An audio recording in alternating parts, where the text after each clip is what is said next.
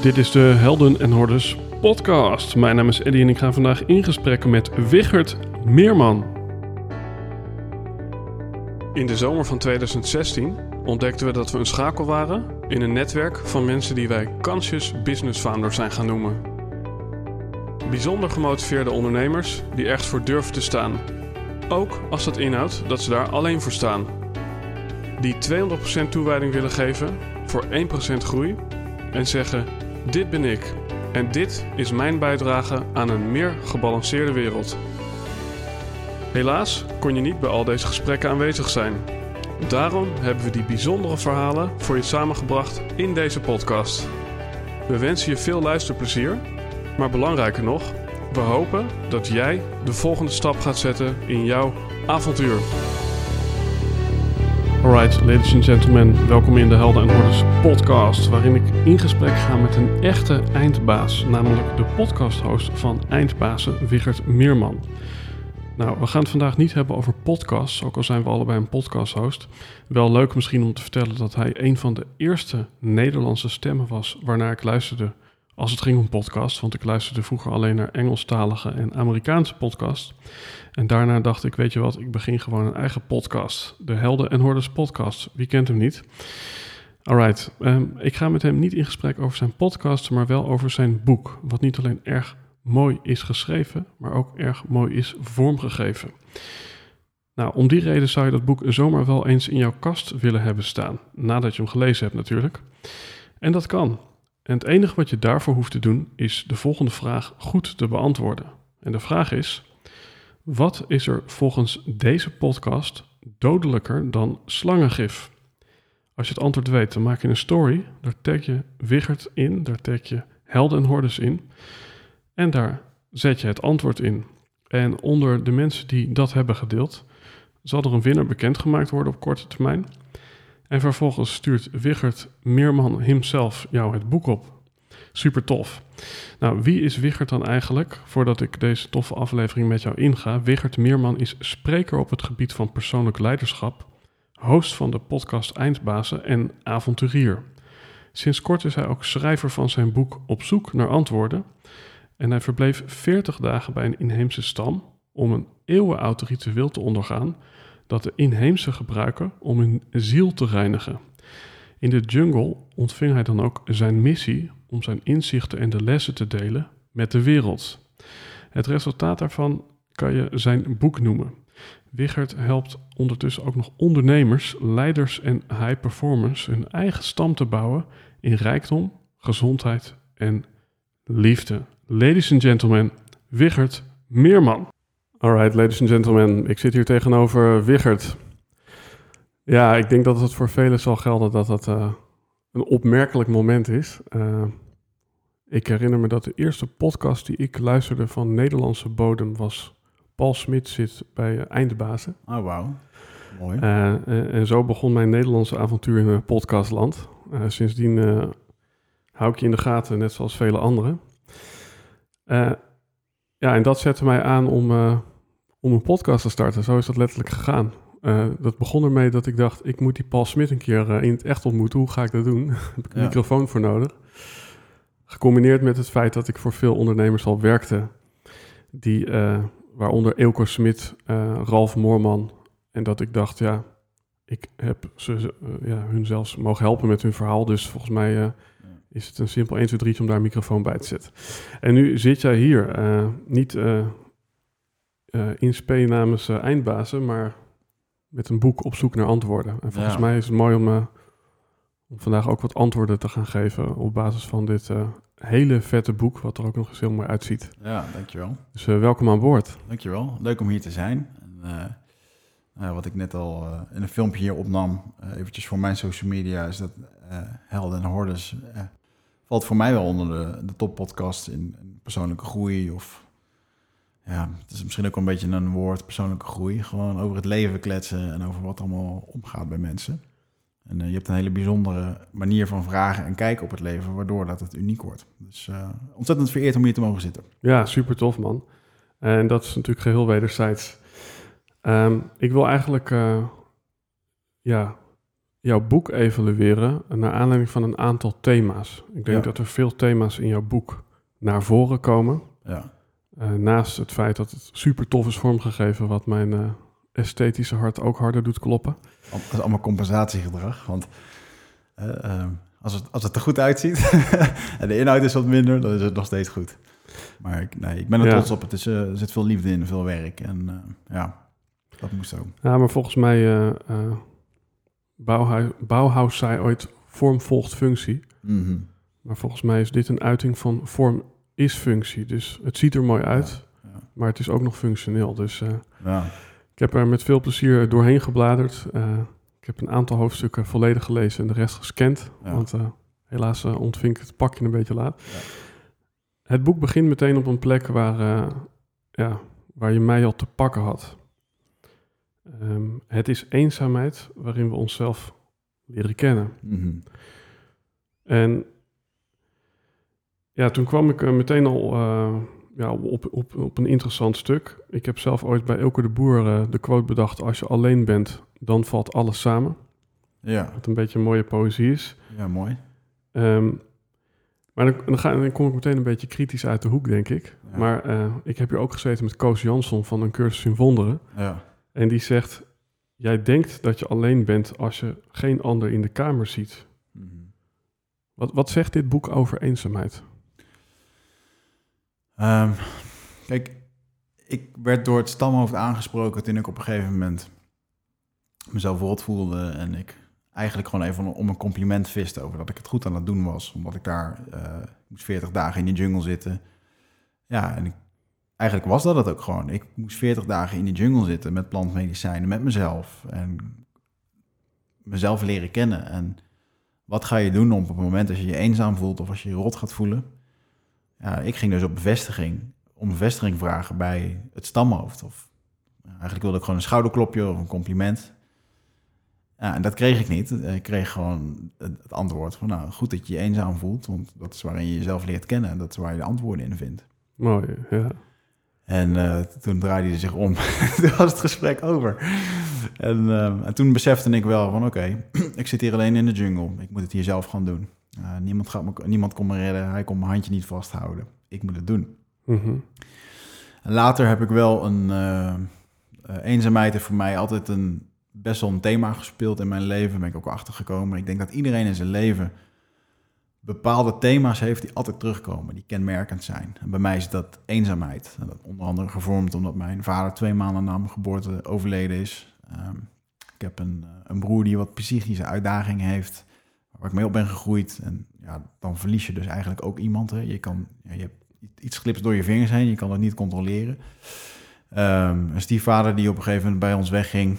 Ehm, wat gewoon heel normaal is dat een relatie over kan gaan. Maar bij mij werd er wel op de knop geduwd van zie je nou wel, er gaat weer iemand weg. En als je jezelf dan maar het verhaal vertelt dat, eh, dat het aan jou ligt. Of, eh, ja. Eh, dus eenzaamheid heeft, heeft een heel groot...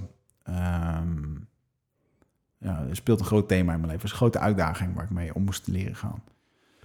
Maar ik denk dat die eenzaamheid ook wel terugkomt. En dat herken jij misschien ook wel. Bijvoorbeeld in jouw creativiteit of in het werk dat je doet. Of ik zelf soms in een podcast. Of ik heb vrienden van me die echt goed, waar ik goed bevriend mee ben. Al jarenlang. Maar ze begrijpen niet mijn drive. Waarom ik deze dingen doe. Of, of als, ik op, als ik in die jungle verhalen vertel. Dan vertel ik het wel. Mensen kunnen er wel een beetje meekomen. Maar niemand beseft of begrijpt het hele diepe. Waarom ik daar nou precies naartoe ging. En, en dat, dat geeft soms wel eens een gevoel van eenzaamheid. En ik denk dat heel veel ondernemers, om het even hier naar hier toe te trekken, dat ook herkennen. Mhm. Ja, dat je 80 uur, per dag, 80 uur per week werkt, of dat gezond is of niet, is een tweede, maar dat je werkt aan je onderneming eh, met je hart en ziel. En dat je soms op een feest staat en dat je dat probeert uit te leggen. En dat, dat mensen je aankijken van ja, waarom dan? En dat je je dus, Ja. te midden dat je van al die mensen staat, dat je je gewoon super eenzaam voelt. Omdat Ja. je, je kan niet delen wat er met jou eh, Ja. in jouw leven speelt. En je zegt anderen begrijpen me niet. Mhm. Ben je door de ervaring die je bij de Indianen hebt gehad, eh, het zelf wel beter gaan begrijpen? Ja, ja. Snap je je eigen motief? Ja, zeker wel. En dat geeft heel veel rust. En daardoor word je dus comfortabel. Daardoor kan je een comfortabelheid voelen in die eenzaamheid. En je hebt dus niet meer het begrip van anderen nodig of de, de bevestiging van anderen dat je het wel goed doet. Als je dit diep van binnen weet, Dat, het hele diepe gevoel van weten is anders dan het denken in je hoofd. Of, en ehm, ja, als je daar dus comfortabel in kan zijn, dus dat je ehm, met je, je bent, je bent ook heel veel met jezelf. Dus zorg alsjeblieft dat je goed met jezelf overweg kan. Ja. En onze go-to verslavingen hier zijn natuurlijk dat op het moment als wij stilzitten. Er is ook bijvoorbeeld een onderzoek in Amerika geweest. Of een test waar mensen uh, eh, 30 minuten in een, in een hokje mochten plaatsnemen met alleen hun gedachten. Of ze mochten op een knop duwen, dan kregen ze een stroomschok. Ik geloof dat meer dan 35% koos voor die stroomschok. Met, uh, met als reactie erop van ja, wat moet ik daar nou doen in die kamer? 35 minuten lang. Moet ik met mezelf zitten? Ja, dat vinden wij heel erg lastig in een westerse wereld. Ja. En daar word je in één keer geconfronteerd als ze jou gewoon in de jungle laten zitten. Of, of in een klooster of waar je dan ook heen gaat op een berg in India. Dan op een gegeven moment is er niks meer. Geen afleiding, er is geen Facebook, er is geen, uh, geen junkfood waar je aan kan uh, volstoppen met suikers en zout. En dan is er alleen maar één oordeel wat er heerst. En dat is het oordeel van jezelf. Want die jungle geeft niks over jouw hoeveelheid geld, over je bankrekening, over je problemen, over je zieligheid of, of, hoeveel volgers je hebt met je podcast. Dat betekent allemaal niks. Nee. En, en, en daarin is de natuur wel echt gewoon de perfecte spiegel. All human problems stem from the fact that a man is unable to sit quietly in a room alone. Dat zei Blaise Pascal ooit. Ja, ja daar was die, uh, was die voorloper in, ja. Hoe ging jij om met die eenzaamheid? En dan zegt het stamhoofd op een gegeven moment... ja, in alleen uh, zijn... Uh, hmm. ja, leer je je lessen. Ja, oké, leuk. En toen? Ja, bij mij... ik heb daar natuurlijk een plantdieet gedaan... waardoor ik heel veel ayahuasca heb gedronken. Dat was ook onderdeel van dat ritueel. Ehm, je werkt dus met allerlei verschillende planten. En die planten die hebben uh, hun eigen ja, identiteit, hun eigen bewustzijn. Dus als je die ayahuasca drinkt, dan, dan komt dat naar voren. En dat, dat leert jou dan over jezelf, vertelt je dingen, geeft je inzichten. En ik, uh, om, om natuurlijk ergens je vingers achter te krijgen, en dat was wel de basis van dit dieet, van dit ritueel wat ik daar heb gedaan. Een dieet klinkt een beetje vaag als je er nog nooit van hebt gehoord. Ik heb daar niet alleen maar worteltjes en gras zitten eten, maar het dieet betekent geen zout, geen suiker, geen water. Mm weinig contact met anderen en, en, dus heel veel met die plantmedicijnen werken. Ja. Um, ja, je moet erachter komen waarom je denkt wat je denkt, waarom je voelt wat je voelt, en waarom je doet wat je doet. He, dus alles wat ons beweegt in het dagelijks leven. Alleen daar kun je alleen achter komen op het moment als je dus naar jezelf gaat zitten kijken. En, ja. en, en daarachter komt, oké, maar waarom ben je dan eenzaam? En ik kwam er daar gewoon heel erg achter dat die eenzaamheid Ehm, dat ik enerzijds die eenzaamheid mezelf heb aangepraat. Want het is natuurlijk gewoon een herinnering en een verhaal. Bijvoorbeeld de dood van mijn vader. En, en, en om een of andere reden is dat zo ontzettend bekend bij mij geworden. Dat ik er misschien ook nog wel een beetje van ben gaan houden. Ja. Hè? En dat is misschien ook de reden waarom ik op een gegeven moment heb besloten van... nou weet je, uh, mijn bedrijf loopt even niet goed. Uh, ik ben alles kwijtgeraakt. Ik ga tien maanden op mijn kantoor slapen. Ik, ik doe het zelf wel. Niet om hulp vragen. En, een soort um, zelfkastijding. Ja, en dat is misschien ook wel een beetje, ja. Um, ik, ik, ik heb wel echt de spirit in me om vol voor dingen te gaan, 100%. Uh, maar daar zit ook een, een, een soort masochistische zijde aan, dat als het niet goed gaat, dat ik mijn tanden daar niet in los kan laten. En, en dan wordt het inderdaad een soort van uh, lijden, ja. Maar daar zit denk ik ook wel uh, een soort existency in. Dus op het moment dat je lijdt, dan voel je dat je leeft. Ja, zeker, ja heel veel van je identiteit haal je daar vandaan. Hè? Dus het, de identiteit van succesvol zijn. Uh, Wigert die het allemaal moet doen, uh, dat ontstond wel daaruit. Ja. Ja. ja. En dat zijn wel dingen die, die me helder zijn geworden door ja, met jezelf te gaan zitten en uh, tot antwoorden te proberen te komen. Ja. Ik heb hier ooit met iemand gezeten die zei: wijsheid is een product van eenzaamheid. Ben je het daarmee eens? Um, nou, mijn definitie van wijsheid is dat het ontstaat op het moment als je uh, met beide kanten zitten kletsen. Hè? Dus uh, het hele extreme links of het hele extreme rechts. En ik hoor dat alle twee aan en uh, pak daar vervolgens het beste uit. En ik denk, ik weet niet of het ontstaat vanuit eenzaamheid, want ik denk dat er ook heel veel mensen vanuit eenzaamheid hele slechte keuzes kunnen maken. als dat gevoel zo sterk is en, en je, je kan daar niet jezelf uittrekken of jezelf positief uithalen. Er zijn ook heel veel mensen die bijvoorbeeld zelfmoord plegen omdat ja. ze zich eenzaam voelen. Um, of die zich eenzaam voelen. En ik heb daar zelf ook wel eens een neiging aan. Ik heb nu een team van mensen die, waarmee ik werk. En ik vertik het af en toe om dingen te vragen. En dan denk ik, oh, ik moet zoveel alleen doen. Maar nee, mm -hmm. je denkt dat je alles alleen moet doen. Je hoeft het alleen maar te vragen. Ja. En, um, maar ik denk wel dat um, ehm, een hele mooie om om te kunnen gaan met die eenzaamheid. Want ik wil dat iedereen, het is echt een gift als je daarmee om kan gaan. Dan is een van de eerste dingen die je moet gaan doen, is meer tijd met jezelf spenderen. En ik denk absoluut dat op het moment als je bewust de eenzaamheid opzoekt, 24 uur niet op je telefoon, uh, of een uur lang niet, weet je wel, of 's ochtends niet. Het zijn allemaal dingen die nu al heel erg moeilijk zijn voor sommige mensen. Ja. Maar, en, en of ga misschien een keertje alleen backpacken. Ja. Ga een weekje op reis of 24 uur offline. En dan zoek je bewust die eenzaamheid op met de intentie om, om ja, tot antwoorden te komen. Ja. En dan komt er absoluut wijsheid uit, 100%. Ja, ik, ik wil het zo met je hebben over relaties hoor, maar dat doe ik nu nog niet. Maar, maar ik heb hier ook met eh, Ellen van Vliet gezeten en ik kan me ook voorstellen dat je juist door die reflectie te hebben, die spiegel, die ander, dat het zelfbewustzijn enorm verhoogt. Ja. Dus eh, ja, eh, hoe, hoe relateer je je Ja. in de meest letterlijke zin aan iets als je alleen bent? Ja. Nou ja, dit is dus heel erg gezond om. Mark Twain heeft daar een hele mooie quote over. Dat je ehm, in, de, in, in de gekte van de, van de massa, dat je daar kan blijven staan. Voor jezelf, weten wie je bent. Eh, en dat er van, om je heen van alles gebeurt, maar dat het bij jou van binnen, eh, dat het daar gewoon stevig is. En ik denk dat dat heel, heel sterk is, dat je dus af en toe die eenzaamheid opzoekt weten wie je bent, erachter komen waarom je bepaalde dingen doet of denkt of voelt. En dan terug te komen in je relatie. En om dat mee te nemen in die relatie. Word je dan nog een keertje gespiegeld in iets, dan ontstaat daar natuurlijk iets van: hé, hey, maar Ja. dit stuk ken ik. En oké, ik heb een beter begrip nu van mezelf. Ja, En ik denk dat je de ander sowieso nodig hebt. Het is heel makkelijk en dat heb ik daar ook ervaren. Ik heb daar zes weken gezeten, maar ik heb er ook zes weken in een kokon gezeten. En toen ik daar zes weken in die kokon had gezeten, kwam ik vervolgens terug op het vliegveld in, eh, in Brazilië. En ik kwam een soort van love, light and peace terug, want ik had heel veel hè, over zelfliefde en ayahuasca. Daar draait dat Mhm. natuurlijk ook allemaal over.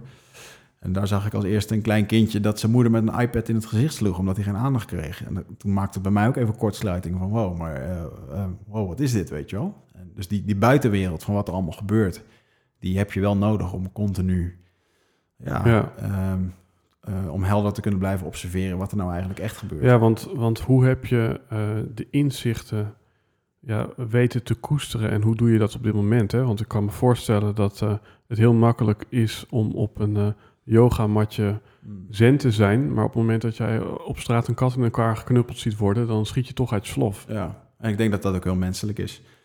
Ehm, kijk, het is niet dat ik als een eh, lichtgevende wichert uit het bos ben gekomen. Hoewel ik daar wel eventjes in die valkuil ben gestapt, dat ik dat dacht. Omdat ik van, oh, ik heb nu echt de wijsheid in pacht en ik snap dit nu. Om er al heel snel achter te komen.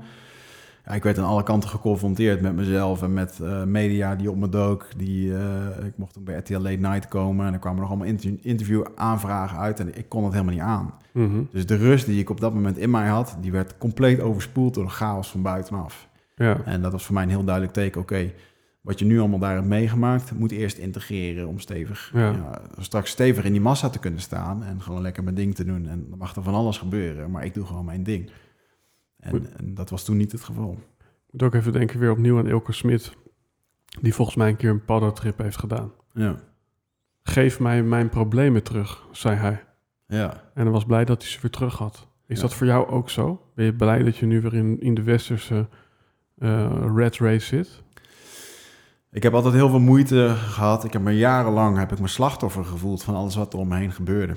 Ik denk dat dat misschien wel tot mijn dertigste, ik ben nu 37, tot mijn dertigste heb ik dat wel echt zo gedacht.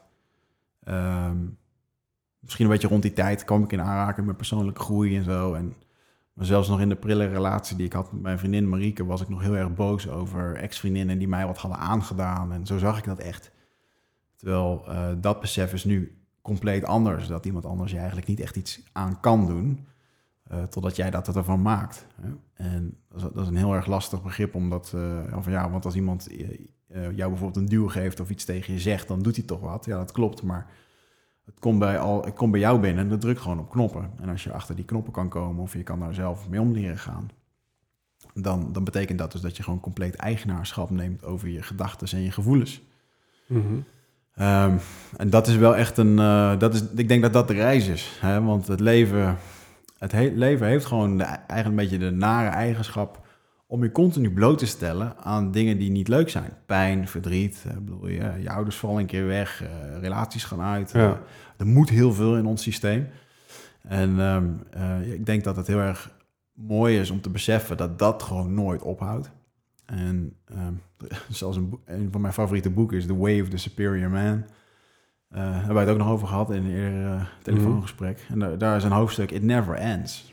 En dat, was voor mij, dat kwam bij mij echt heel erg binnen van wow, inderdaad. Ik ben best wel Ja. vaak op zoek naar dat. Deze cursus doen, dan heb ik dat Ja. nooit meer. Dit oplossen, zus. Maar je, je wordt gewoon continu blootgesteld aan, eh, aan je eigen gekheid. Ja, want wat, wat zegt het boek over ja, het voltooien van de reis van persoonlijke ontwikkeling? Is er een eindpunt? Ja, nou, de, de laatste, waarde, laatste woorden van mijn boek. Ehm, dat is wel een grappige anekdote. Ik ben later nog een keertje teruggegaan naar de Indianenstam. En daar ben ik ingewijd in een vier dagen ritueel. Helemaal afgepeigerd en ook een soort rite of passage. Helemaal afgepeigerd, vier dagen niet geslapen. En dat ik echt, dat het klaar was en dat ik echt daar stond. En dat ik gewoon hardop zei van, ik weet niet hoeveel van dit soort rituelen of ayahuasca of dingen ik nog moet doen om, om, om als normaal gezien te worden, weet je wel. Ja. Toen het stamhoofd ook gewoon begon te lachen en dat hij zei, ja, eh, de heling eindigt nooit. En dat is ook echt zo. Je kunt nu allerlei dingen oplossen voor jezelf en goed hebben voor jezelf, maar er gaat een keer een moment komen dat er iets gebeurt, dat, dat, er, dat je ontwricht wordt. En dan is het aan jou de taak om weer op het spoor te komen. Eh ziet een beetje als een auto die continu rijdt. We kunnen Ja. nu naar Frankrijk rijden. eh, en dat kan goed gaan. Maar als we terugrijden, kan er in één keer iets kapot gaan.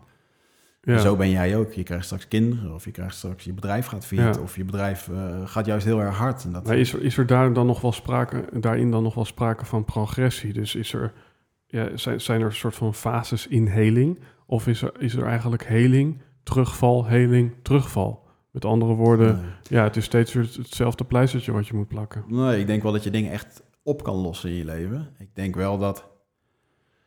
ehm, deels denk ik dat je daarvoor kan kiezen. Want ik denk dat er ook heel veel mensen zijn die verslaafd zijn aan het helen. En ben ik zelf ook schuldig aan geweest. Hè? Want het is ook ergens heel vertrouwd en heel fijn om continu in die problemen te blijven roeren. Door Mhm. continu maar te zeggen van ja, ja, ik kan nou helemaal niet met geld omgaan. Dus het is ook niet, eh, ja, dat is nou helemaal gewoon zo. Ja, dan neem je geen eigenaarschap erover.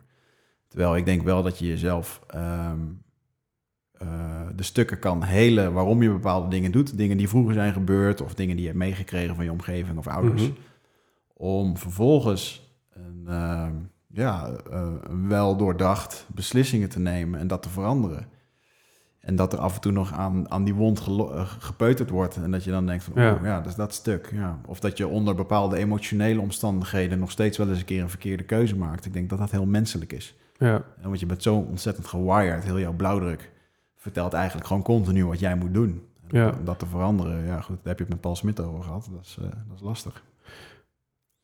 dit gaat eigenlijk over groeien. Van, is er iets van lineaire groei of met vallen en opstaan, misschien wel zelfs voorbij dit leven, als je daarin gelooft in meerdere levens. Ja.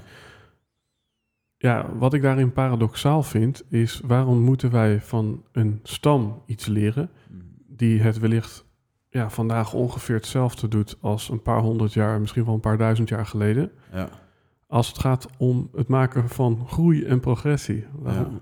Ja, dat is een goede vraag. Ehm, ik denk dat waar, waar wij heel erg naar neigen hier, of wat we graag willen hebben, dat wordt vaak gezien als succes of veel volgers of een goede baan. Of, dat is onze cultuur. Dus dat, zo, daar worden we iedere dag mee vergiftigd. Je doet de tv aan. En er is geen Hollywood-film waar een succesvol iemand niet een fantastisch appartement heeft in New York boven Central Park. Ja, dat kost geld, dus dat willen we ook als we dat willen nastreven. Terwijl succes in de jungle is gewoon gezond zijn, met elkaar zijn, eh, dat er vrede is, dat, er, dat, je, ehm, dat je continu bezig bent met zelfheling of heling in het algemeen. Dat dat een, dat dat een inherent begrip is van je cultuur. Ja, Ehm, het hebben van spirituele connectie. Gewoon het weten dat alles wat hier om je heen is, dat dat gemaakt is door iets wat jou ook heeft gemaakt. En daar ontzettend respect voor hebben. ja, Eh, hè, dus je mag ze eigenlijk zeggen dat het geloof shamanisme is. Shamanisme is de oudste religie die er is. Dat betekent gewoon dat je gelooft in de natuur. ja, En voor die mensen is het echt heel erg moeilijk om te, begrijpen dat, oké, eh, je gelooft wel in een god misschien, die dan alles hier heeft gemaakt. Maar je bent wel aan het, dat is dan het enige tastbare wat hij heeft achtergelaten. En nu ben je dat aan het kapot maken. Ja. En als je daar zo simpel over nadenkt, dan denk je, ja, dat is inderdaad heel erg vreemd. Uh, en waar wij, zeker, hè, jij, jij bent ook op een, op een soort van quest, misschien een spirituele zoektocht. Um, en je bent daar naar op zoek omdat je, het, omdat je er niet, niet per se mee bent, op, op, op mee bent gevoed. Ja. En dat hebben zij heel sterk. Dat als je gewoon jong bent en je wordt in, met, die, met die omgeving groei je op. Wauw, dan heeft zingeving en uh, jouw bijdrage aan de stam heeft een hele andere functie dan uh, op je zestiende vakken, vakken vullen bij de Albert Heijn omdat ja. moet, omdat je anders niet, niet uit kan, weet je wel. Ja. Wat ik ook een interessante paradox vind, en misschien kan jij die bevestigen of uh, ja, ontkennen, dat spiritualiteit hier in het Westen, en dan wordt het steeds meer common, zeg maar. Ik bedoel, als uh, Jan Geurts bij Giel Belen zit, dan denk ik, nou, dan wordt het al aardig normaal om spiritueel of ja, bezig te zijn of, je, of jezelf te verwezenlijken. Ja. Maar wat ik eigenlijk bij jou beluister is van, hey, het is bijna een nulwaarde van jongs af aan om bezig te zijn met je functie, je zelfverwezenlijking, je missie, Mm. hele dankbaarheid. Ja. Terwijl bij ons in de Maslow-pyramide ja, zit zelfontplooiing, uh, ja, die komt pas aan bod als we die auto al hebben, als we al uh, meer dan genoeg te eten hebben, een chickie ja. hebben gescoord. Ja. Dus, bij ons zit hij aan het eind van de ladder, bij hun start die ladder, klopt dat? Ja, dat zeg je goed, ja. Kijk, en het is daar ook wat primitiever, hè? Daar, daar heb je al die... Um, zij kijken niet naar films waar ze appartementen zien in New York, dus ze hebben die behoefte ook niet. Nee. Dus, en dat heb ik me wel eens, daar heb ik me vaak over daar zit ik vaak over na te denken. Dat daar, daar groeien gewoon mensen op in dat bos. Die, hebben alleen, die kennen alleen maar dat bos. Die weten wel dat er een buitenwereld is. Maar die, het, je kunt daar op een gegeven moment niet een nog grotere hut bouwen. Op een gegeven moment is er gewoon een soort van max. Ook van nut. Ja. En, en, en hè, dan is het gewoon belangrijk. Oké, maar wat is dan belangrijk in die wereld? Ja, dat je familie gezond is. Dat je genoeg kinderen hebt die voor je kunnen zorgen. Want dat is heel primair. Als je dat niet hebt, dan Ja. kan je dus niet overleven. Ehm, dus, eh, de Zijn ze dan niet wel heel nieuwsgierig naar jou geweest? Ik kan me voorstellen dat er ineens toch een smartphone in Ja, zicht kwam. Zeker, ja, zeker. Ja. Ja, dus als je, als je daar je tas aan het uitpakken bent, dan komen er gewoon twintig indianen die gaan in een kring om jou zitten. En die gaan gewoon naar je zitten kijken en die zeggen niks. En iedere keer als jij iets uit je tas pakt, dan zitten ze allemaal te kijken wat het dan is. Mega ongemakkelijk, maar dat zegt alleen maar iets over mij, over hoe ik me ongemakkelijk voelde. En ehm, daar heb ik wel heel veel van mezelf mogen leren kennen. Dat, ehm, er is op een gegeven moment een moment geweest ehm, dat ik, dat ging over zelfacceptatie. De eerste paar dagen dat ik daar was, toen eh, zat ik daar op een stoeltje te wachten. Er was ook heel veel niks te doen. Op een gegeven moment komen er drie jongens die komen uit de jungle lopen. En die, die kijken naar mij en die komen bij mij zitten. Dus die gaan om mij zitten en die knikken een keertje zo. En die zitten me gewoon aan te staren. En af en toe als ik ze wat langer aankijk, dan kijken ze wel weg. Maar en ze zeggen gewoon niks. Ze zitten gewoon met z'n drie daar. En ik, ik vond dat heel erg ongemakkelijk. En ik weet nog dat ik daar mijn, eh, mijn smartphone probeerde te, te zoeken in mijn broekzak. En om dan maar even door mijn foto's heen te bladeren. Maar er is daar geen connectie of wat dan ook. En tegelijkertijd zat ik mezelf ook gruwelijk op mijn kop. Geen connectie, maar wel verbinding. Ja, en dan zeg maar, waarom ga je hier op die telefoon zitten? Waar zij ook niks van snappen, dan ga je hier een beetje, eh, wat ga je doen, weet je? Ja. En, ah, het was natuurlijk gewoon ongemak. En ik kwam erachter dat mijn telefoon in mijn rugzak lag. Dus ik had daar een heel 20 minuten ongemak met mezelf. En ik had eigenlijk zoiets van, ik moet nu met hun praten. Ik moet eh, weten, eh, ja, normaal in Nederland vraag je dan, wat voor baan heb je dan? Maar ja, hun baan is gewoon Indiaan, dus daar valt weinig over te Dus kletsen. Engels spreken ze niet. Nee, ook niet. Dus ik kon ik helemaal niet met ze praten. Dus het was gewoon, het was gewoon super ongemakkelijk. En na 20 minuten staan die gasten op, die knikken een keertje en lopen weg. Ik dacht dat dat op dat moment niet zoveel betekende. Maar toen ik daar twee weken later eh, op een andere plek zat, op de Heilige Ruimte, een plek waar ik dan 40 dagen verbleef en ik dronk die ayahuasca, werd ik op een gegeven moment mee teruggenomen naar die herinnering. Mhm. En herleefde ik het nog een keertje, herbeleefde ik het nog een keer.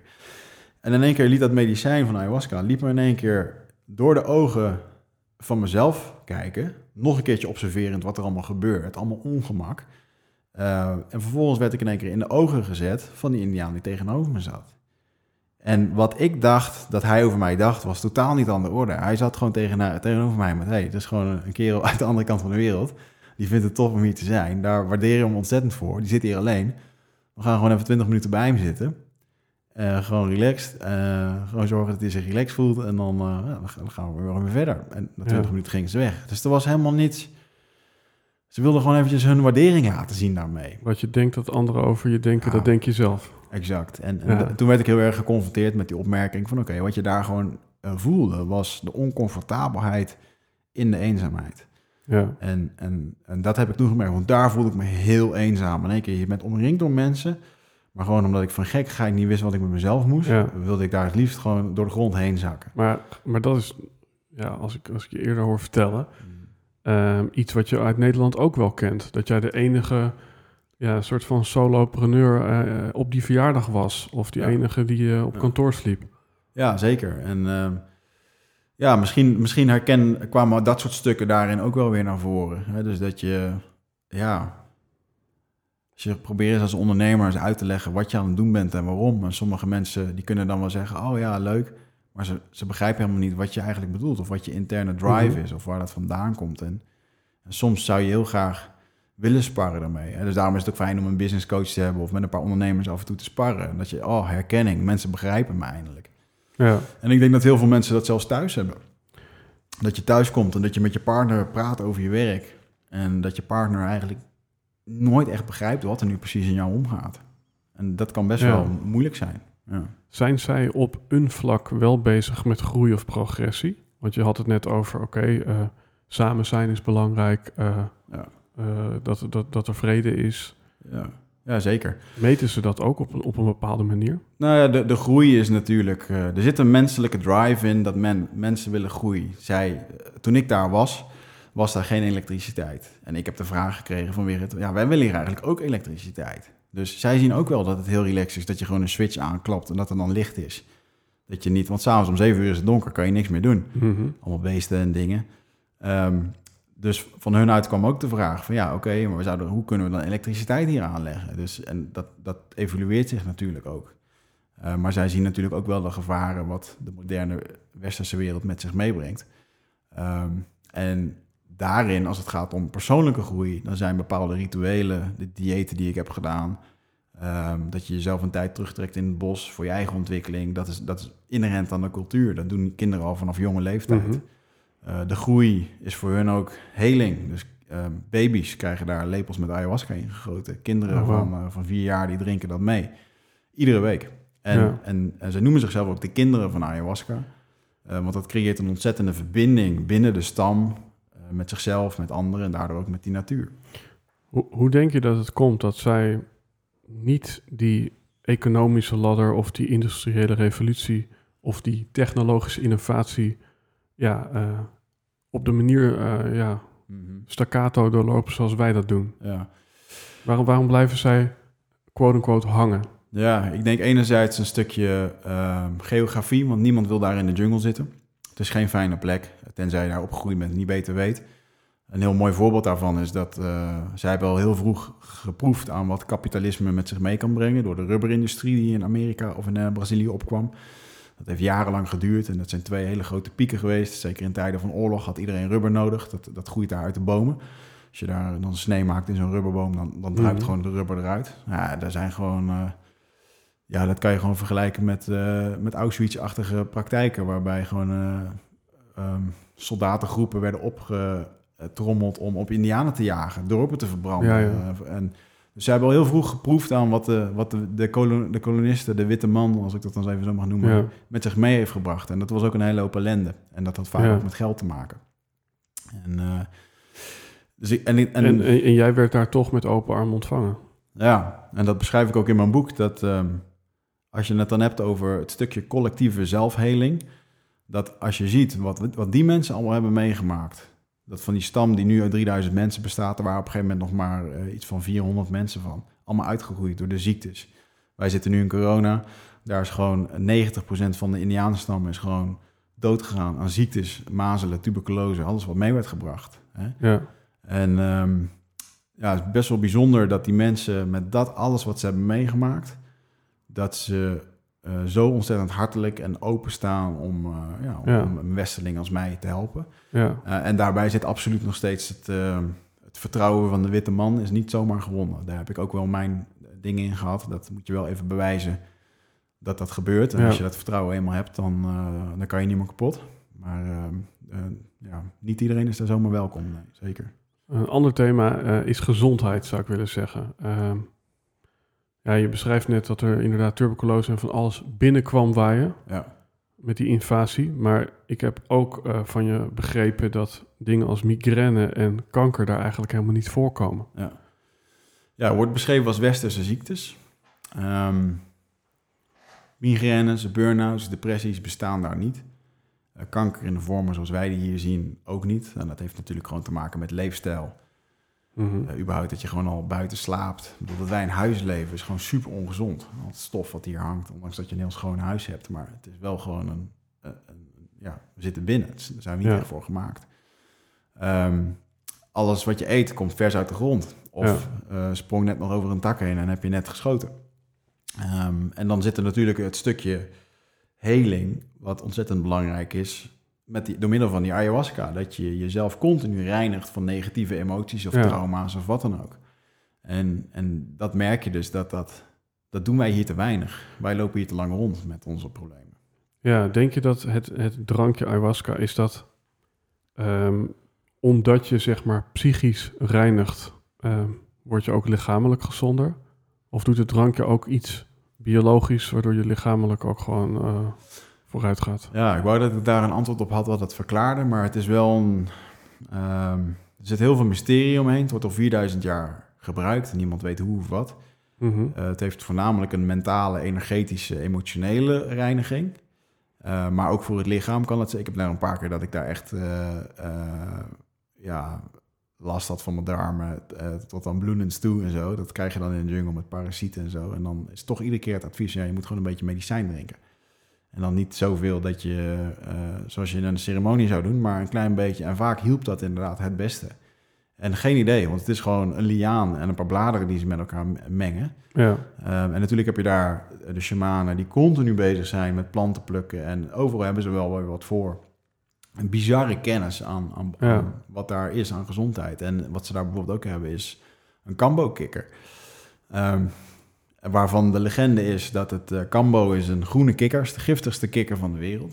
Hij heeft dus ook geen natuurlijke vijanden. Dat kan je ook gewoon zo oppakken, omdat hij zich niet bedreigd voelt. Zelfs een slang die zal hem niet opeten.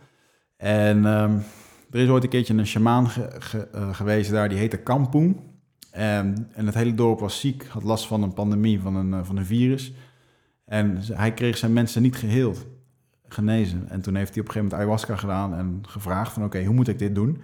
En toen heeft ayahuasca hem verteld, dan moet je die groene kikker pakken. En als je over zijn rug heen wrijft, dan komt daar wit gif uit. Eh, maar als je dat in kleine dosis inbrengt, door middel van een gaatje te prikken in iemand zijn arm, eh, of meerdere, en dan stop je dat gif erin, dan, dan reinigt iemand volledig zijn lymfklierensysteem.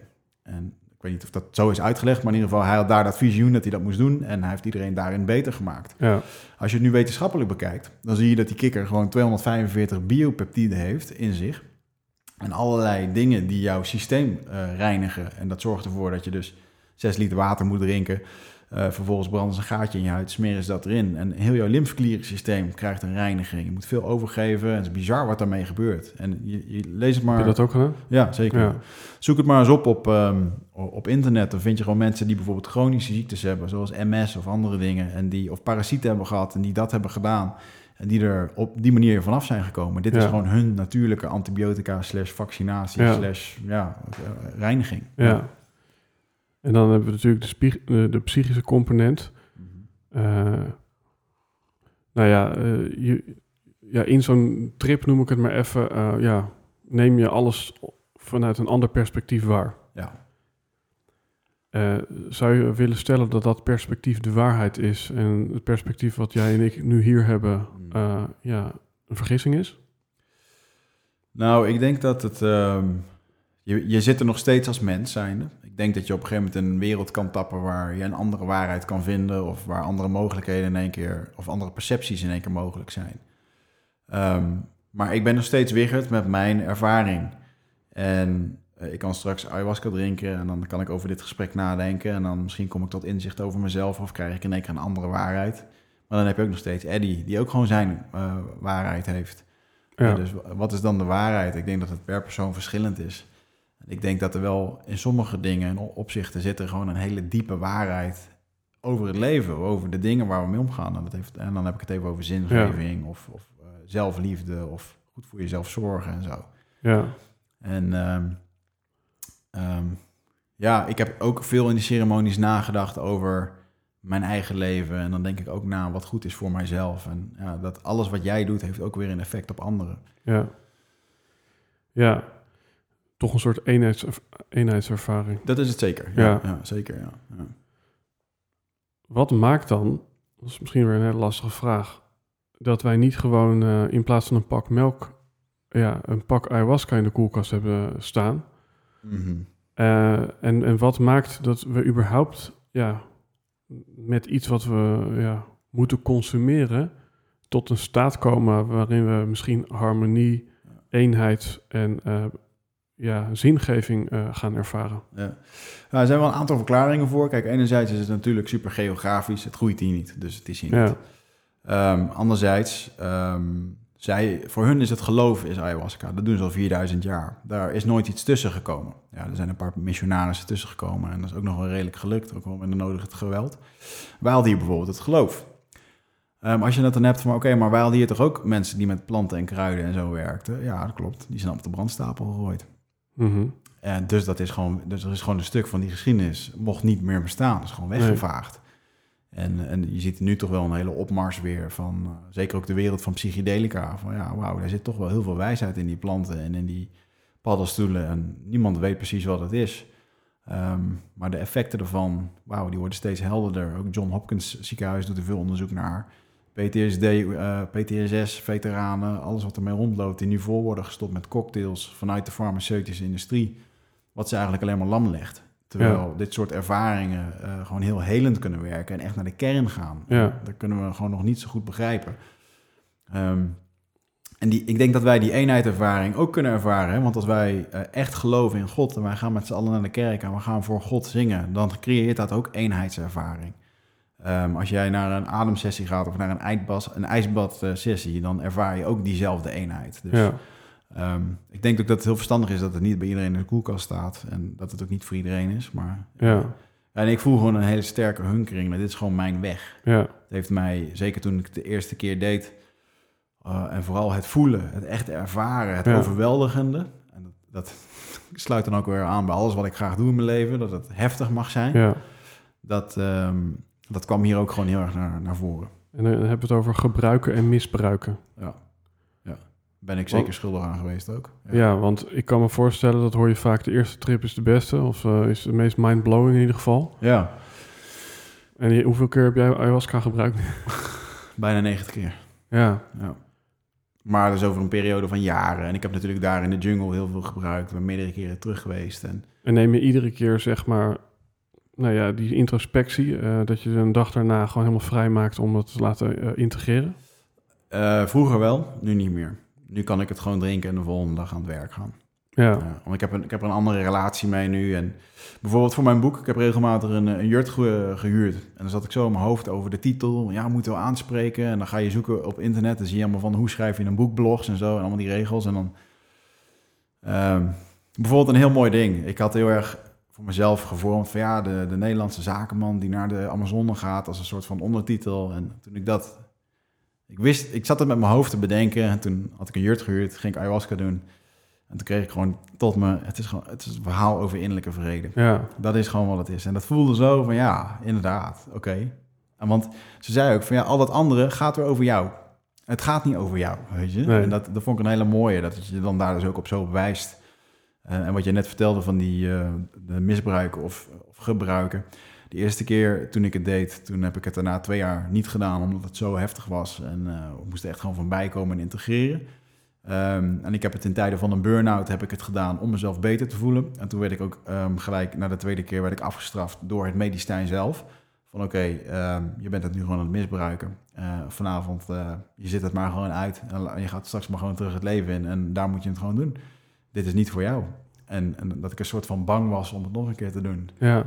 Uh, je praat dan in één keer tegen iets zo ontzettend overweldigends ja, alsof je gewoon tegen je eigen ziel of tegen het universum of wat dan Mhm. ook kletst. Dus als het jou dan ook wat vertelt of jou wat geeft of een inzicht geeft, dan voel je dat tot in je botten. En dat is, Ja. gewoon, ja, dat is anders dan het advies van een, uh, wat je in de kroeg krijgt van iemand.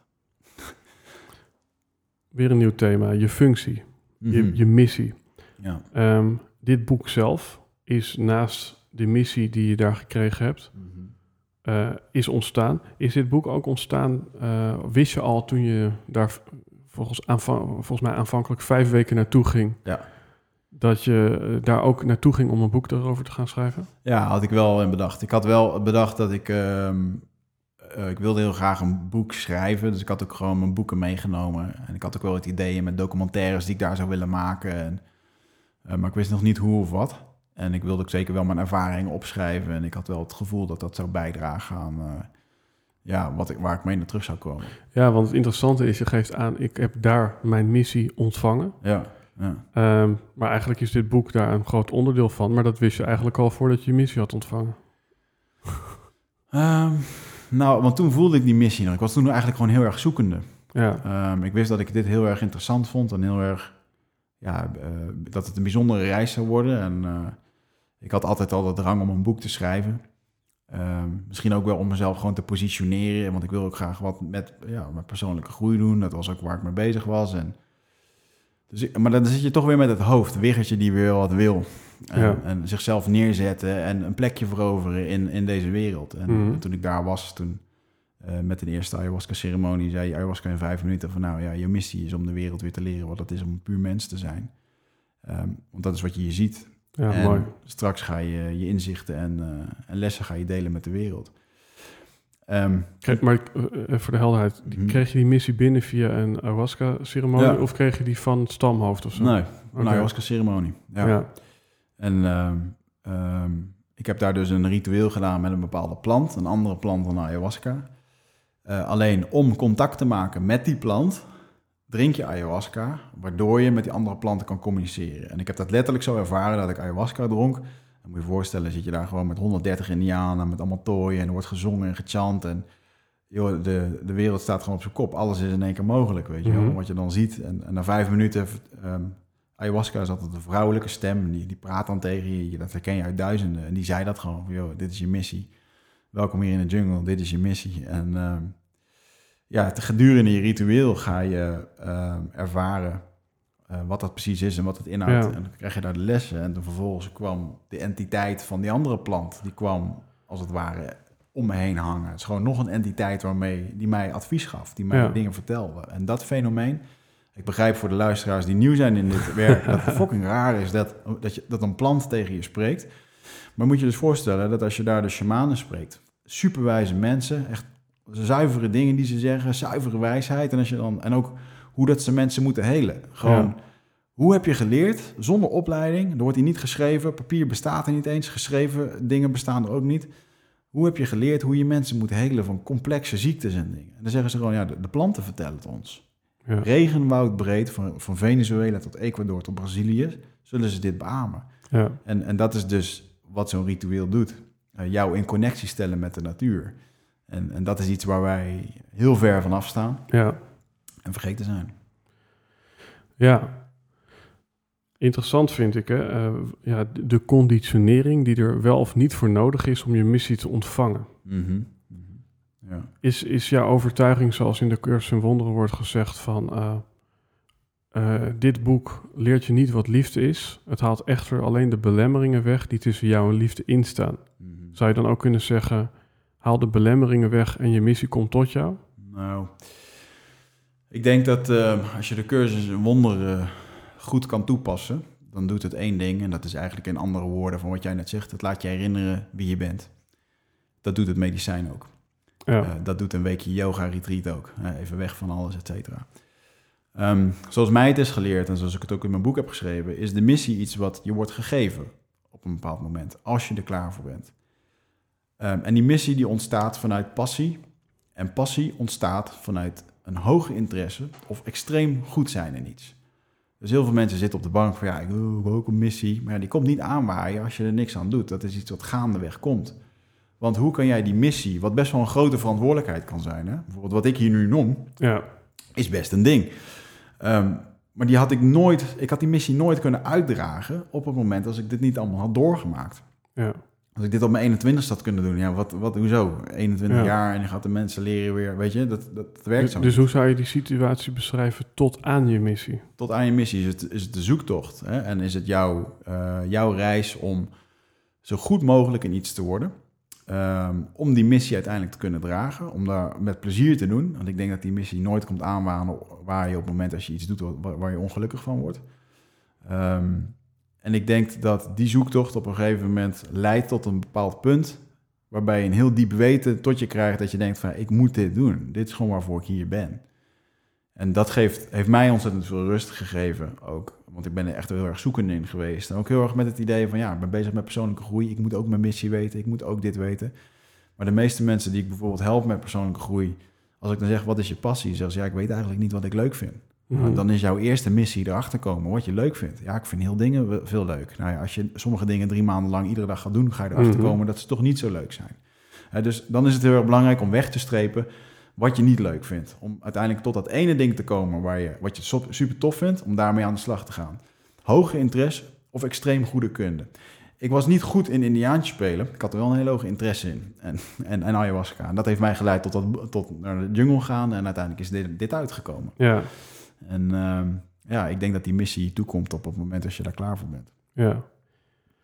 We begonnen deze podcast over eenzaamheid. Ja. Je zou kunnen zeggen, een antoniem van eenzaamheid is verbinding. Mhm. En in verbinding uh, kom je vaak doordat je relaties aangaat. En zo komen we op het thema relaties. Ja, mooi. ja, het is even een beetje een eh, wiskundige formule geworden. Ja, mooi. Um, liefde en relaties zijn de universiteit van het leven. Ja. Ja, dat uh, vertelde een wijs maan mij ooit, die zin. Ja. En ik denk dat die zin alle mysterie omvat en alle, uh, alle waarheid daarover en alle moeilijkheid er ook van omvat. Ja. En uh, als je het dan hebt over liefde. De liefde is iets wat ontzettend moeilijk te beschrijven is. Filosofen doen er honderden jaren over en nog steeds worden er iedere week boeken over uitgebracht.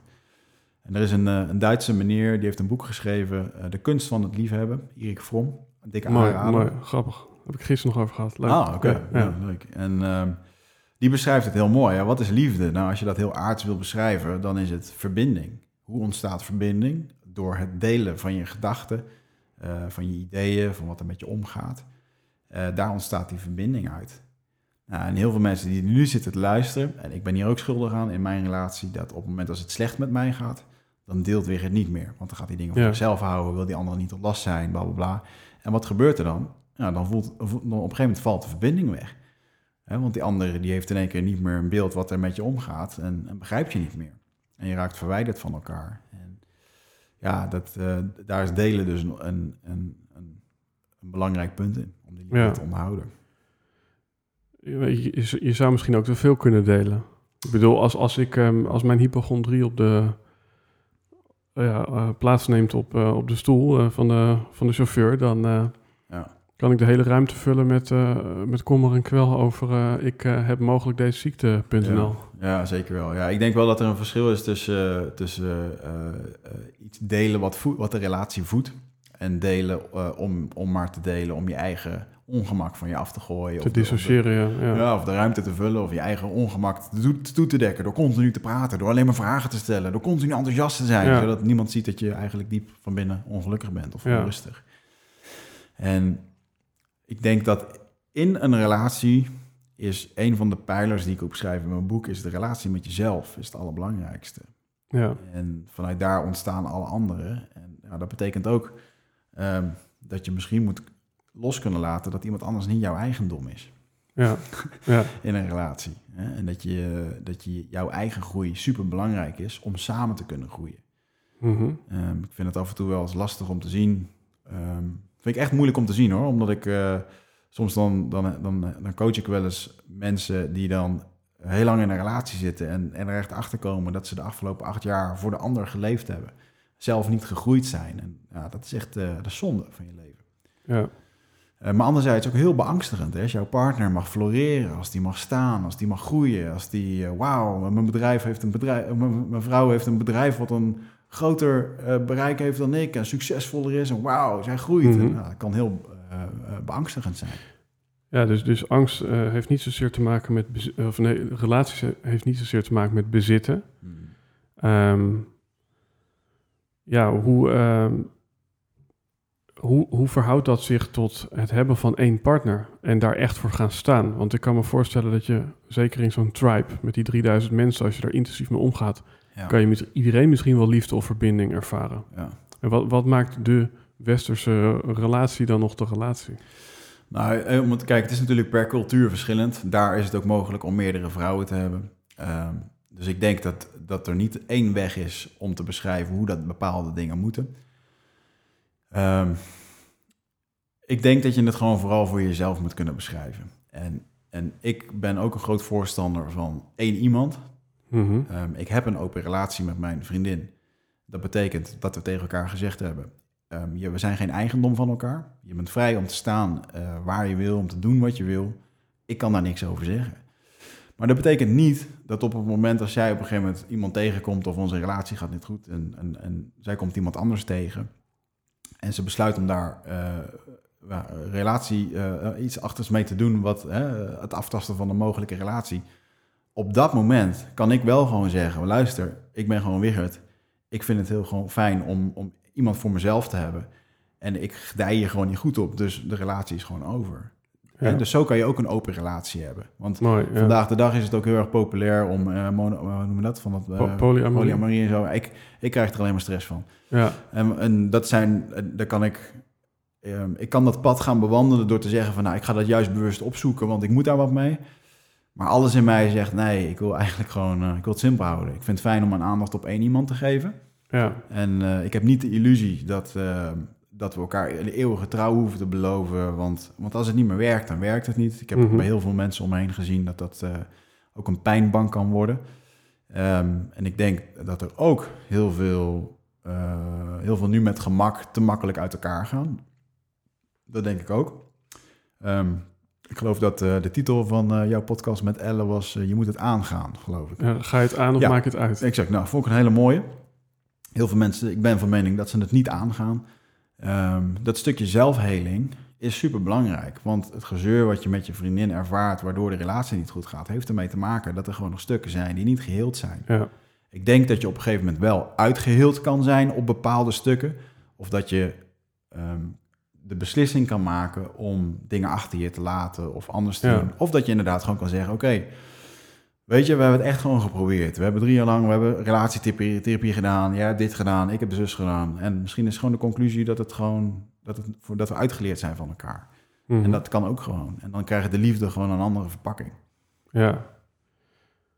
Eh, ja, antoniem van eh, liefde is misschien ook angst. Daar hebben we het ook nog niet over gehad. ja, ja, En gewoon omdat het heel tof was, eh, kwam eventjes bij mij voorbij van eh, het slangengif. ja, ja. Ik denk dat jij hem daar wel kan oppakken. Ja, zeker. En dan op een gegeven moment, eh, nou, in de jungle kom je veel slangen tegen, ben ik achtergekomen. Als je echt in de jungle bent. En ehm, dat eh, baarde mij zorgen. Zeker toen er op een gegeven moment, dat is een mooie anekdote. Dus, dus ook de eerste podcast waar ik dit vertel. Dus op een gegeven moment, ehm, ik ga eventjes het proloog lezen uit mijn boek. Is dat goed? Helemaal goed, zeker. Is een kleine spoiler, maar ja, jammer dan. Dat voor degene. Oké. Kort stukje. Ehm, de stilte wordt verstoord door een luide schreeuw achter in de jungle. Ik open mijn ogen en zie een groep indianen opstuiven. Als krijgers die ten strijde trekken, grijpen ze naar hun machetes en stokken. Er wordt geschreeuwd en er is paniek. De moeders grijpen naar hun kinderen. Wat is in hemelsnaam aan de hand? Worden we aangevallen door een andere stam? Een gevoel van angst en paniek verlamt me. Ik wil naar huis. Een seconde later besef ik dat ik drie dagen reizen verwijderd ben van de bewoonde wereld. Ik zit gevangen in de jungle, op een plek die ze de heilige ruimte noemen. Hoewel ik hier uit vrije wil naartoe ben gekomen, voel ik me gevangen op een plek waar ik niet wil zijn. De angst nagelt me vast aan mijn boomstam. En het enige wat ik kan denken is, wat de fuck ben ik hier aan het doen? Ja, En eh, als je verder zal lezen in het boek, eh, dit was een moment waar we eh, in de heilige ruimte zaten. Dus Mhm. gewoon een, een plek midden in de jungle. En we zaten daar met een mannetje of dertig ayahuasca te drinken. En ehm, we hadden dat net gedronken. En dan is het heel erg grappig als je voor je eerste psychedelische ceremonie gaat kijken hoe je dat, je dat moet doen. Dan ga je lezen, zorg dat je een plek vindt die relaxed is. Dat er iemand is die nuchter is. Dat er geen gevaarlijke objecten zijn. Allemaal Ja. Nou, alles van dat was daar niet aanwezig. Dus we hadden net gedronken en op een gegeven moment gilt er iemand achteruit de jungle. Dus we, we hadden het gedronken we hebben een moment van stilte voordat het in zou werken. En op een gegeven moment gilt er een dame achter in de jungle.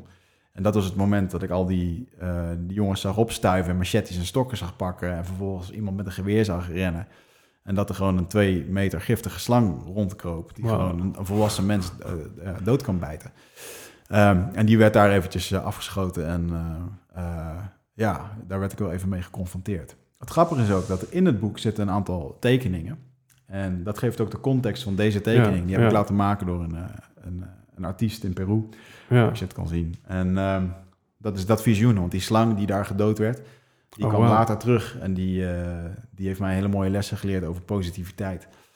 Ehm, ja, Ja, zo, nee, zo- nee, want er, er was iets bijzonders over dat slangen. Ja, ik wil even daar, daarop terug te komen. Dus op een gegeven moment, ik had, de dag daarna had ik een gesprek met, met het stamhoofd. En ik zei, joh, ehm, die slangen, allemaal leuk en aardig. Maar ehm, wat doe je als je hier wordt gebeten?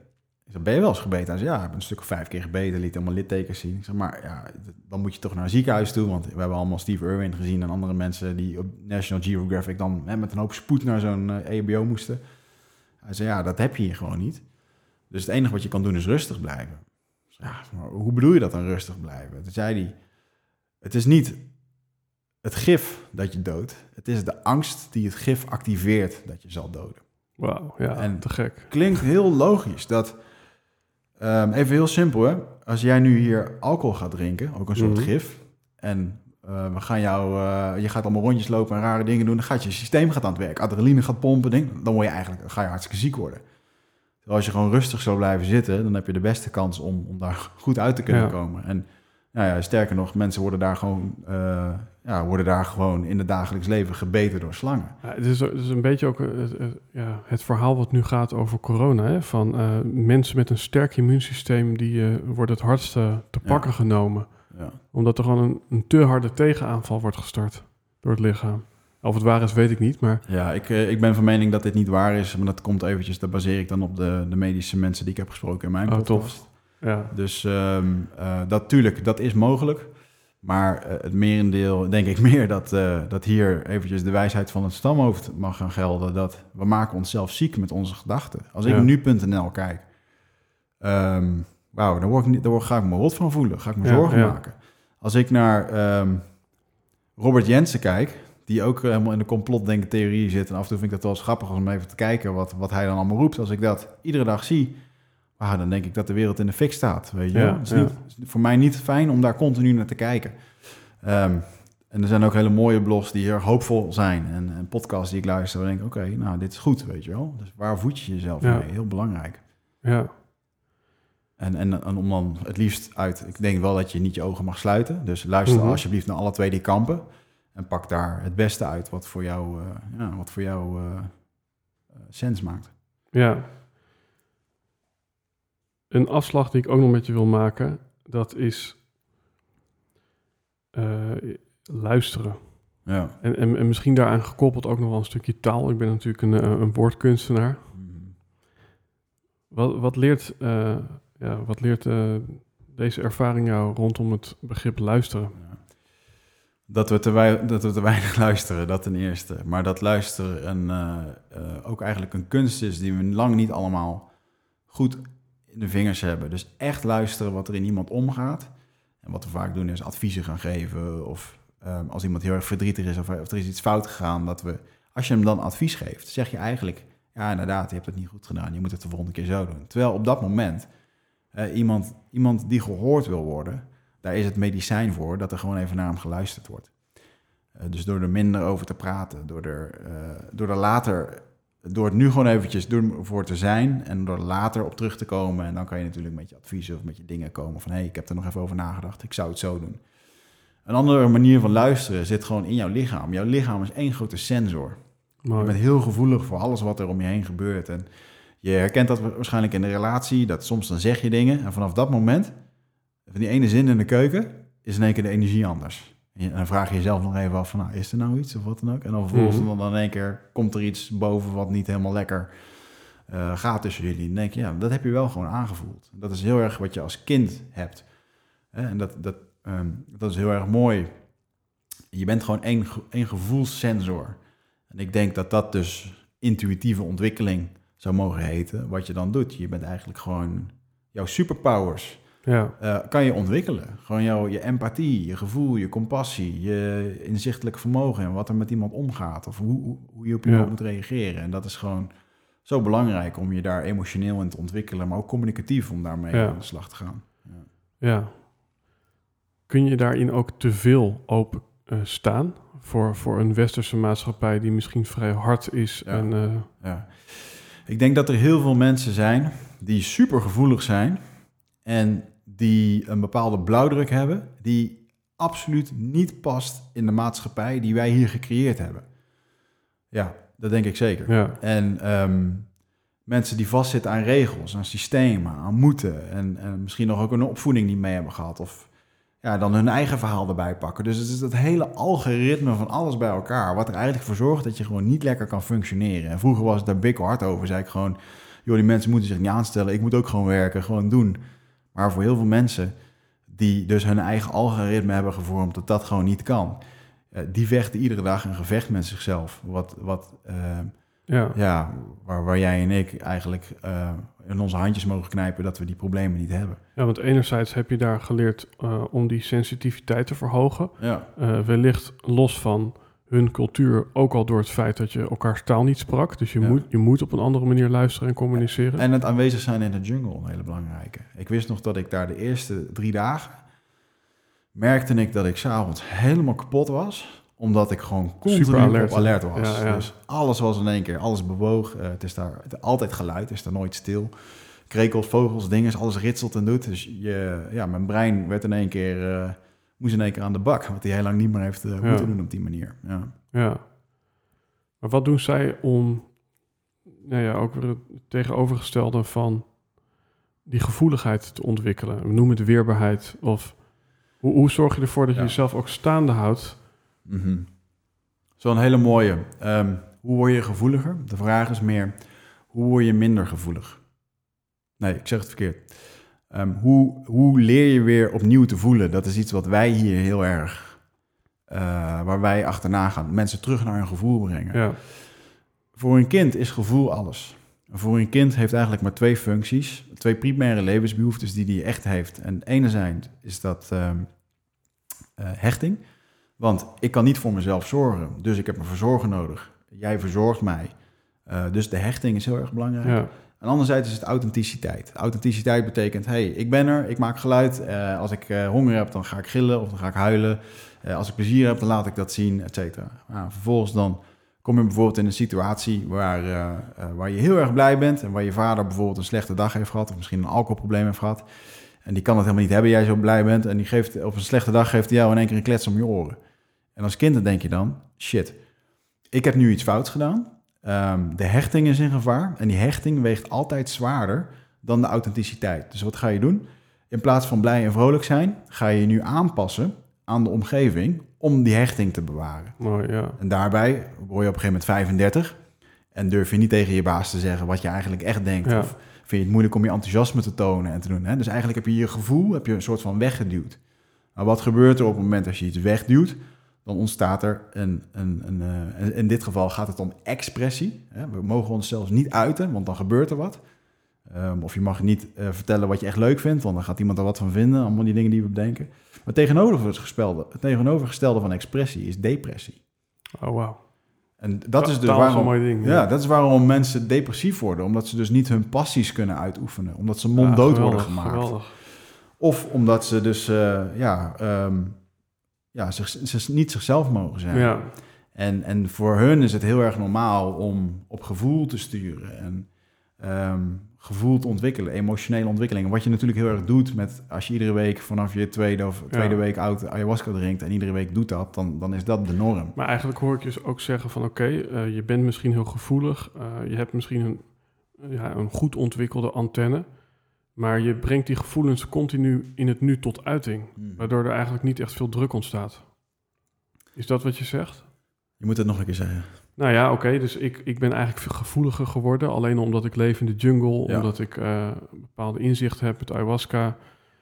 Ehm, Nou ja, ik, laat ik het zo zeggen. Ik heb het dus... ehm, je, je, je- iedereen wordt heel gevoelig geboren. ja, Hè, want je bent het kleine kindje. En er gebeuren allemaal dingen in je leven... waardoor je die gevoeligheid afvlakt. En ik denk dat de kinderen in de jungle... dat er weinig gebeurt... waardoor die gevoeligheid afvlakt.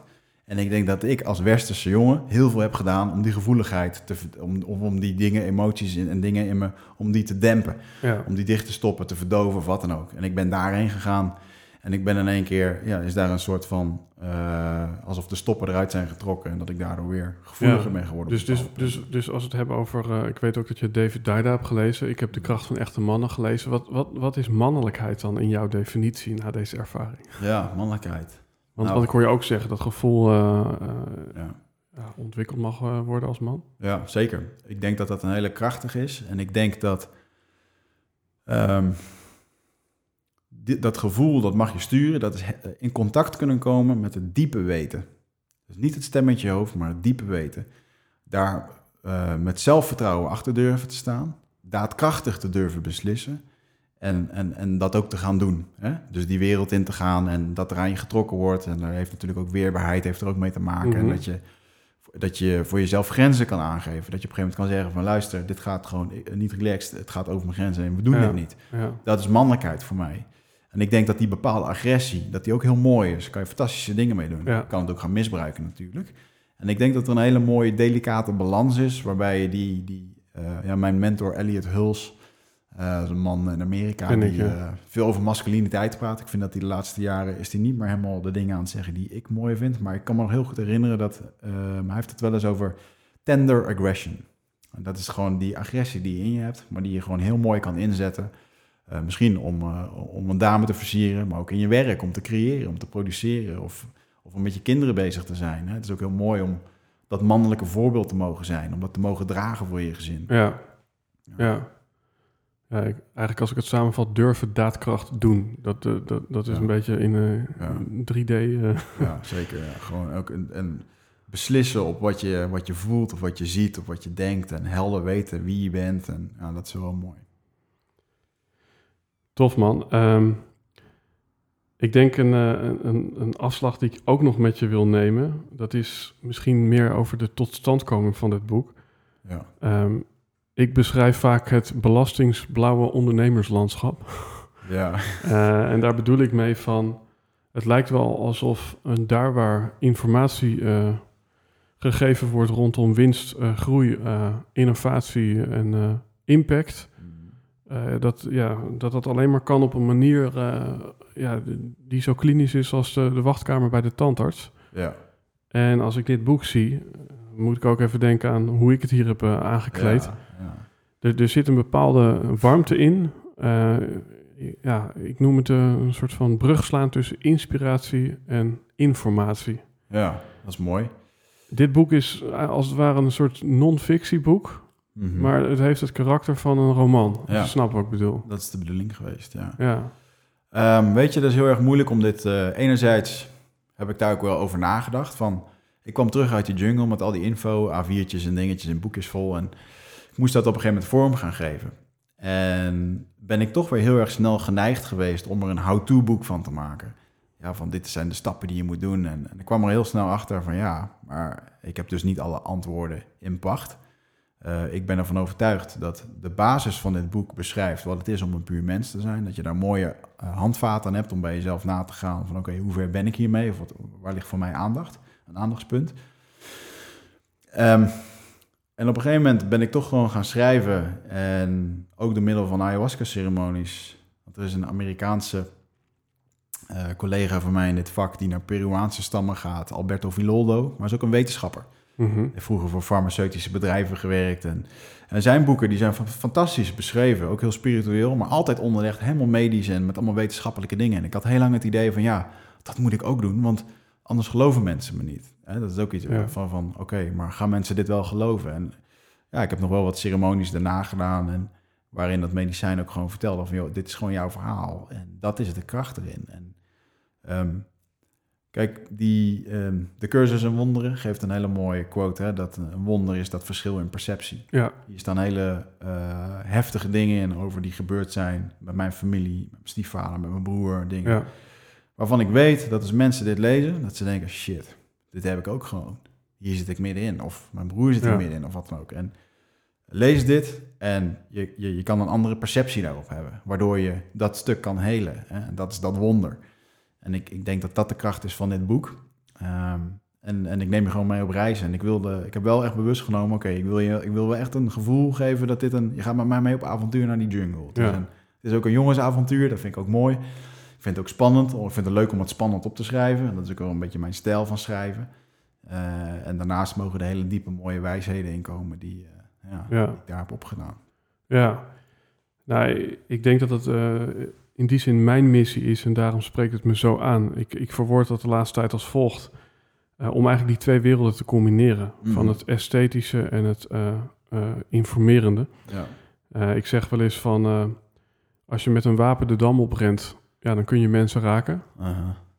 Maar kun je ook mensen raken op die dam zonder kogels te gebruiken? ja. En dan moet je mensen raken met woorden of raken met branding, raken met gevoel. Ja.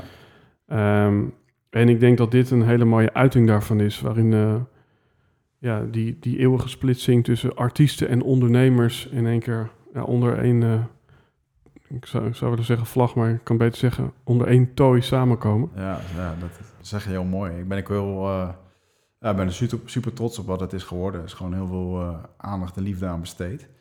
En ik denk dat dat ook heel belangrijk is. Want ik heb heel vaak dat, ik, dat iemand wel... eh, dat is een beetje ook de grap, hè. Je hebt ook van die filmpjes waar mensen op een station... zetten ze bijvoorbeeld een, eh, een, wereldkampioen viool spelen... zetten ze op een station in, in Belfast... gooien een paar mensen 10 cent naar... terwijl die eigenlijk diezelfde avond ergens staat... waar kaartjes 1500 euro zijn. Ja, En, en ik ken het, ja. dus ik kan dit boek kan ik wel verkondigen en ik had er een, so- een soft, of noem dat, gewoon een zachte kaf van kunnen maken en doen. En dan, dan was de lading ook anders geweest. Ik vind het gewoon heel belangrijk. Je, je moet iets in je handen hebben wat, eh, wat magie eh, uitstraalt. Ja. Ik denk dat wij eh, in theorie nog een tweede uurtje kunnen vullen. Ehm, we zitten nu op een uur en een kwartier. En as always eindig ik met, oké, er staat hier een leuk autootje met de vraag... Stel dat je een, een billboard lang, langs de weg zou hebben... en je zou iedereen die onderweg is naar zijn werk... één, misschien wel indianengezegde willen meegeven... om hun dag anders in te vullen. Ja. En dan is het nu misschien eh, met thuiswerken eerder zo dat eh, iedereen een wallpaper of eh, op een telefoon kan zetten of een Ja. story op Insta ziet. Wat, wat zou erop staan? Ja. Dat ehm, het meest inspirerende wat je kan doen, is op het moment als je jezelf in duisternis bevindt, dat je daar de beslissing maakt dat je het anders wilt. En dat is eventjes een soort van eh, ja, een, tegen, een oppositie tegen wat je vandaag de dag hoort over wat succes is. Hè? De succesvolle bedrijven, geld verdienen, et cetera. Dat is allemaal hartstikke mooi.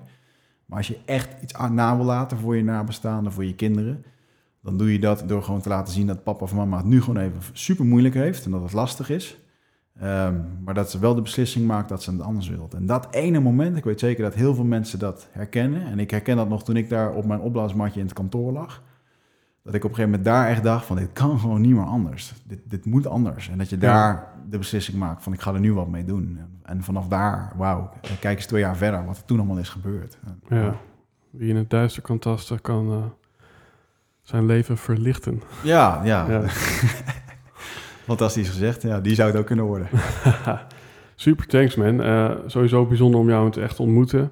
Eh, een boek waar ik eh, dus aan begonnen ben, wat ik ook gewoon na deze aflevering helemaal ga lezen. Want er zit ook een stukje, ja, inderdaad, storytelling in die mij naar het hart gaat. Ja, mooi.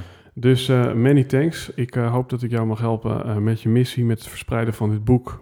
Onder andere met deze aflevering. Ik denk dat we elkaar nog wel tegenkomen in de wandelgangen. Ik kijk even in de camera, anders wordt mijn vader boos. Die zegt, je moet in de camera kijken als je iets aankondigt. Ik zou willen zeggen, wil je ehm, ja, dit boek kopen, dan is het volgens mij bol.com, toch? Ja, je kan gewoon naar wiggertmeerman.com, naar Bruna, naar bol.com. Je kan overal, Ja. eh, kan je het... eh, ja. Ja, tof. Is er nog een andere plek waar je mensen naartoe wilt verwijzen, naast de, de uitgebreide Eh, show notes? ja, ja, zeker. Je mag eventjes kijken op wiggertmeerman.com. Daar staat, eh, als je nou denkt van, nou, dat boek vind ik leuk. En als je dat nog leuker vindt, dan kunnen we ook nog met mij eh, aan de slag. Ik heb retreats, persoonlijk leiderschapsprogramma's. Ik heb mijn eigen podcast, Eindbazen. Mhm. Ehm, ehm, en dat ben je helemaal welkom om daar lekker naar te luisteren. En ik geef veel online webinars over dit boek, lezingen. Ehm, ja, kijk gewoon even op mijn website, daar vind je alles. Super, thanks. Dus wil je meepraten over deze aflevering? Eh, dat kan je natuurlijk eh, op bijvoorbeeld uh, Wigert zijn Insta doen. als je onder deze vlag wil meepraten, hashtag Helden en Hordes op Insta, Twitter, Facebook. Of laat een mooie comment achter op YouTube. ja, Wigert nogmaals many thanks. Dankjewel. En voor de luisteraar tot de volgende aflevering.